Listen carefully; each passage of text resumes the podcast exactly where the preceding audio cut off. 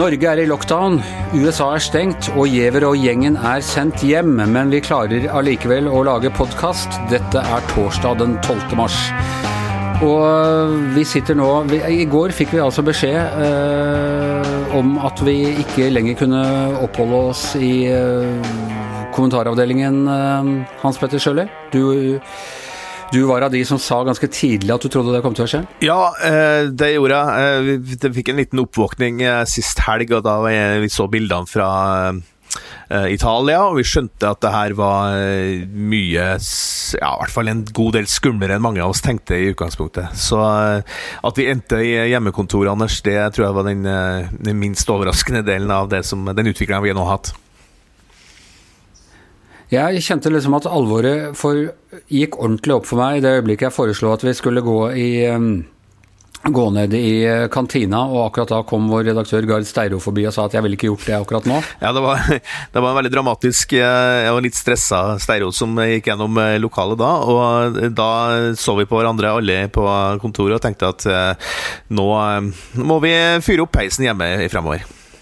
Eh, og det er altså gradvis, det var bare rett før eh, alle andre, eller mange andre, ble bedt om å, å gå hjem, så kom eh, meldingen om at Danmark stenger alle skoler, og nå har, nå har polletten falt ned hos den norske regjeringen og Astrid, du fulgte med på pressekonferansen til Erna Solberg. Hva er det de er blitt enige om? Hun har altså hatt krisepressekonferanse i dag på statsministerens kontor, et av de få kontorene vil jeg tro som er bemanna i Oslo sentrum for tida. Der fortalte hun at hun vil innføre de hardeste tiltakene som Norge har hatt i fredstid. Svært inngripende i folks frihet. Nå er retorikken forandra, må jeg si, fra tidligere i uka, der det var fortsatt snakk om at eh, vi måtte vurdere og passe på ikke å overdrive, og vi, vi, må passe på at næringslivet går videre, og osv. Så, videre. så nå er det altså snakk om å stenge treningssenter. Frisørene blir stengt, restaurantene, eh, mange restauranter bare får ikke holde åpent. Eh, helsepersonell får ikke lov til å reise til utlandet. Det blir restriksjoner på innenlandsreiser. Eh, kun svært nødvendige reiser skal tas innenlands, sies det her. Og det er rasjonering på paracetamol på, fra Legemiddelverket og en hel rekke andre tiltak som jeg aldri har opplevd før, og det har vel ingen av oss. Og ikke minst der alle skoler og barnehager eh, blir stengt fra i morgen? Ja, det er jo det selvsagt det viktigste tiltaket, som jeg glemte å si i farta. Eh, det begynte jo med at Oslo og Bergen lokalt, kommunene stengt, men nå sier altså Erna Solberg eh, at det skal stenges allerede fra i morgen, mens de tidligere varslene i dag var at det skulle stenges fra mandag. Så nå tar statsministeren ledelsen. Hun gi oss de nasjonale, helt klare retningslinjene som opposisjonen har etterlyst i flere dager nå.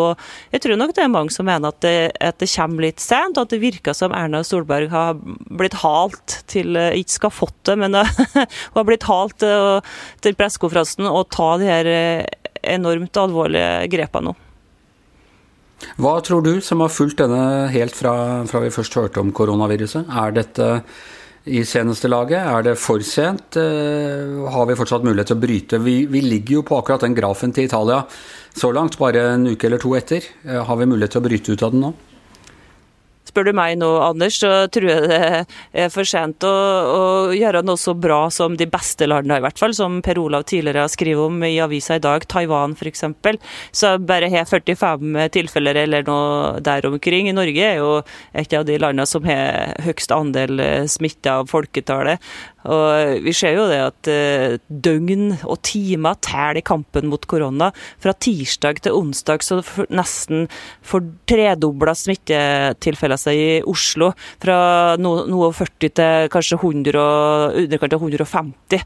Så det går utrolig fort. Og når vi har mista kontrollen på dem eh, som er smitta, da går det folk rundt i samfunnet vårt uten å vite at de har korona, og smitter andre uforvarende. Vi har jo snakket en del om Erna, og, og Hanne har også vært opptatt av hvordan hun har, har taklet det. Sånn. Uh, I dag hørte jeg Jonas Gahr Støre på Politisk kvarter sammen med Erna. At han var den mest uh, statsmannsaktige. Ja, jeg, Jeg er litt enig med det, Anders. Han har vært god hele veien. Empatisk eh, samtidig som han har vært tydelig. Understreka at vi alle må stå sammen og takke alle som, som jobber mot korona, samtidig som han kritiserer regjeringen for å hale føttene etter seg. I går i Stortinget så kom Erna Stolberg og svarte på spørsmål fra opposisjonen, og da, eh, onsdag, så sa hun at hun var skeptisk f.eks. For til å eh, forby ans ansamlinger over 50 personer i, i storbyene. Og nå, i dag, så må hun gjøre det. Så hun hales jo litt eh, framover her.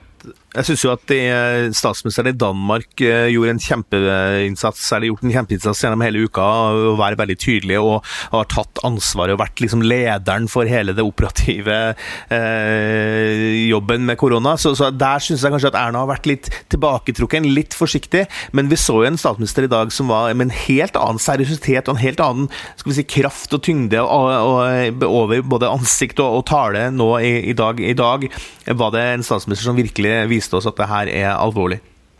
Ja, det er det. Nå er jo bra, Hans Petter, men det var ikke vært slik de dagene som har gått. Det har helt skifta. Nå er liksom polletten gått ned, som Anders sier, og eh, retorikken er helt Nå er det gravalvorlig, mens det tidligere eh, i den, de ukene som har gått, så har hun hele tida snakka om at det ikke er så alvorlig, at det ikke er noe grunn til å ha panikk. Så nå har det skifta. Så er hun litt, litt irritert, lettirritert Erna Solberg nå, fordi annet den sammenligningen med Danmark, den ble hun spurt om på pressekonferansen i stad, det likte ikke å snakke om. Nei, da ble hun veldig eh, bøs, rett og slett. Eh, og det er vel veldig mange som har skrevet om det der også i sosiale medier, som har så det Mette Fredriksen gjorde i Danmark i går. og Det var en annen kraft over det enn det Erna har gjort hittil. Men nå så vi en annen statsminister. En ny og virkelig vital statsminister. Per Olav, du som har sett på de andre landene. Hva er det de landene som har kommet best ut av det så langt, har gjort som ikke vi har gjort? Og hvor godt ligger vi an sammenlignet med land som Italia? Jeg tror eh, det som eh, har kjennetegnet de som har gjort det best, er at de har vært veldig godt forberedt på forhånd. Det er land som eh, har hatt erfaring tidligere med SARS og med andre epidemier. Og da tenker jeg spesielt på Sør-Korea og Taiwan, til en viss grad Japan. Men Taiwan er kanskje det beste eksempelet. De, de nøyde seg heller ikke med de eh, forsikringer de fikk. De reiste, de fikk sendt inn et team veldig tidlig til Kina. Så at det var all grunn til uro. Innførte veldig raske tiltak. Og så var de forberedt. Eh, eh, Sør-Korea har har hatt massetesting. De kan gjennomføre 15 000 tester hver dag for å finne ut der det er koronasmitte. Og de har også en veldig, men de spiller også med veldig åpne kort og informerer hele tiden veldig nøye. Og så har de også sørget for at antallet har gått veldig dramatisk ned da, i forhold til hva det var. Kina tok jo også i bruk veldig harde metoder, men de det gikk noen kritiske uker der hvor de ikke informerte, og det har jo også fått store konsekvenser. Men nå skal de altså være over kneiken, er det riktig? Kan vi stole på det? Jeg tror ikke vi kan være sikre på at det er riktig. Sør-Korea sier de håper at det er over kneiken. Tallene derfra kan tyde på det. Ehm, de har fortsatt De oppdager smittetilfeller hver dag, men det er eh, langt færre enn det var i februar. Eh, Kina rapporterer veldig lave antall smittede. De er mest bekymret for at de smittede nå kommer inn i landet fra andre land, og setter samtlige som ankom i Kina i 14 dagers karantene. Um, Japan uh, vedtar sannsynligvis i morgen å innføre unntakstilstand. Så det er jo ikke Problemet er jo ikke løst, det er jo, det er jo fortsatt, men, men, men, situasjonen ser bedre ut enn den gjorde i februar for et par uker siden. En ting som jeg lurer på, er jo om det, blir, om det er blitt så såpass bra i Sør-Korea og Kina bare fordi at de har innført uh, isolering, karantene osv. Hva som skjer når de uh, veisperringene som nå skal åpnes i Wuhan og Hubei-provinsen. Hva skjer da når eh, folk får begynne å få på butikken og på skole igjen? Da kan jo sykdommen kanskje blusse opp igjen? Ja, det er jo i det hele tatt et, et spørsmål nå. altså en ting er Nå gjør vi dette, nå gjør vi disse grepene. Nå sitter vi oss hjemme. Jeg sitter her med sønnen min som er sendt hjem fra, fra skolen, og vi, vi, sitter på, i hver vår stue og kjøkken her og, og lager podkast via, øh, via nettet. Men når går dette over? Må, skal vi sitte her til de lager vaksine om ett år, eller eh, hva er liksom neste skrittet her? Det er nok sånn at vi må belage oss på at det her tar veldig lang tid. Eh, og jeg må jo si, jeg, satt og så på pressekonferansen og så på Camilla Stoltenberg eh, fortelle at det viruset her er jo sånn at det, eh, man vet jo ikke om når man føler seg frisk. Man vet ikke når man kan si at noen er frisk, og vil viruset bare leve videre selv om man føler seg frisk? Altså, det er jo, det er jo en man, altså, det, det, som slår en her, er jo hvor lite vi vet om, om, hva det her egentlig er for noe, og hvor vidtrekkende det er. Så, så jeg tror nok at vi, vi kommer til å lage podkast hjemmefra ei god stund framover, altså. Det som vi har sett i Kina nå, er jo at de har så vidt begynt å lette noen restriksjoner eh, i, rundt Wuhan, som jo var episenteret her. Og det er jo et første skritt. og Det er uttrykk for at kineserne er veldig opptatt av å prøve å få de økonomiske hjulene i gang. For det var jo et elendig første kvartal. Et stort stup i produksjonen og i økonomien. Eh, og det er, en, det er jo selvfølgelig en vilje til å prøve å få andre kvartal til å se bedre ut, og at pilene peker oppover igjen.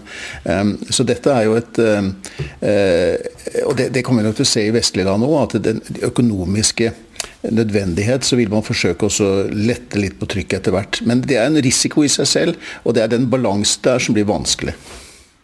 Et annet sted hvor polletten nå har falt ned, det er hos Donald Trump, eh, som jo røra noe forferdelig om dette viruset i eh, to-tre uker.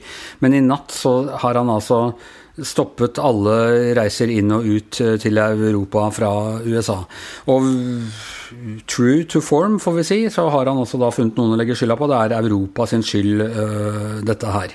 Men hva kan vi nå vente oss av USA, uh, Per Olav? Hvor, hvor, ille ute er de? Ja, Trump var jo uh påpasselig framme i natt med å si at det er dramatisk færre tilfeller i USA enn det er i Europa. Eh, og, Famous last words. I, på, og på sett og vis så kan han jo ha rett, ettersom det er, det er 1300 tilfeller i USA og 33 døde der. Men det er i 38 delstater, og det er kun gjennomført kanskje 5000 tester i hele USA eh, på denne tiden. Eh, de, hadde, de, har ikke hatt testutstyr. Eh, det er fare for at det er veldig store mørketall. Eh, og det er mye tid som er gått tapt før eh, effektive tiltak er satt inn, som vi er inne på i stad. Akkurat dette her med å kunne teste folk er et utrolig viktig verktøy. Eh, og hva tror du du får å si for valgkampen nå? Det kommer jo til å få eh, konsekvenser at disse massemøtene som både Trump har hatt, og, eh, og, som Biden og Sanders har holdt, de blir jo nå avlyst. Vi ser Trump avlyser en planlagt reise. Eh, og, Men han har ikke avlyst de massemøtene ennå, har han det? Han, eh, han, skulle jo ikke det her for et par dager siden i hvert fall. Jeg tror det har endret seg nå. Eh, og jeg, jeg, jeg, jeg, tror ikke vi kommer til å se de lenger. Men samtidig så er jo Altså han, han, han, innfører jo 30 dagers stans i all reise fra Europa. Ikke helt, da, for Storbritannia er unntatt, og amerikanske borgere og så videre er unntatt. Men det er liksom et ganske kraftfullt virkemiddel. Eh, samtidig så prøver han å si at, eh, at uh, dette er ikke noen dette ikke til å være noen, dette er ikke noen finanskrise, dette er bare et forbigående Eh, punkt, og det kommer ikke til å få noen dramatiske effekter. Men vi ser jo at børsene stuper overalt, og vi ser at de måtte stanse handelen i New York nå på, i morgentimene. Så børsen eh, godtar ikke, syns ikke det han foreslår er eh, godt nok. Og det kan jo da få konsekvenser for hans popularitet og for valget til høsten. Selvfølgelig. Men nå tror jeg de konsekvensene er så uberegnelige at det er veldig vanskelig å si. Han prøver jo nå å framstå handlingskraftig etter tidligere å ha bagatellisert og spilt ned denne trusselen. Men det han fortsetter med, er jo selvfølgelig å legge skylden på andre. Uh, ja, vi er i en helt unik situasjon. Vi har ikke vært i noen sånn situasjon så lenge jeg har levd, ikke noen av oss har levd. Uh, det eneste litt sammenlignbare er da tiden etter 22.07, hvor vi var blitt, um, blitt uh, angrepet. Men dette kommer altså til å ta mye lengre tid. Hva tror du det kommer til å gjøre Stort spørsmål, Hans Petter, men hva tror du det kommer til å gjøre med oss som samfunn? Jeg så du, Vi chatta litt tidligere i dag, og du mener at det er begynt med hamstring av uh, medisiner og sånne ting. Vil vi, vil vi få kaos og hamstring og skyting i bensinkøene som, som det er i sånne apokalyptiske fremtidsfilmer? Nei, altså, vi tror ikke det blir så mye The Road av den filmen som er basert på boka til Cormac McCarthy. Det, det tror jeg ikke. Men det har, jeg har vært på butikken de siste dagene her og merker jo at det er mer folk, og folk handler mye mer. Det er fulle handlevogner. Det er kjøpe dopapir, f.eks. Det ser ut som en veldig lett omsettbar vare akkurat nå. Ehm, men eh, nei, for, altså, Bent Høie og de myndighetene har vært veldig tydelige på at nå er det ikke noe hamstringssituasjon. Butikkene sier at det er nok mat i butikkene, så så jeg tenker at nå må vi alle sammen ta det litt easy og ha litt eh, opptre med verdighet og normalitet. fordi eh, ja, eh, Man ser også på Facebook og på andre sider rundt nå at, at folk liksom begynner eh, Det er en slags solidaritetsånd som legger seg også, at man skal hjelpe hverandre og sånne ting. Så, så det, det, kan jo eh, egentlig kanskje komme noe litt, sånn litt fint ut av det her også. At man, at man får skjønne at vi da yeah, At we're living in a society som kanskje vi har glemt da litt i de gode tiden, tidene. Litt, litt Gerhardsen-ånd og litt sånn Eh, alt var mye bedre under krigen, dette her. Ja, vi får håpe det at, det at, det kan utvikle seg sånn. Men det kan jo også bli andre litt mer ulekre ting som skjer. Altså, det vet vi jo ikke. Da. I VG Astrid, så, du ber om ordet, ja, på skjermen. I VG så hamra det inn med tips om uh, mindre gerhardsensk uh, opptreden rundt om i landet, om hamstring og til og med slåssing. Jeg vet ikke hvor langt vi skal komme på å sjekke ut de tipsene, men jeg tror det er ganske mange uh, som nå driver og handler og hamstrer rundt omkring og krangler om varene. Og en av grunnene er at det Eh, svir, det svirrer rundt sånne falske nyheter nå.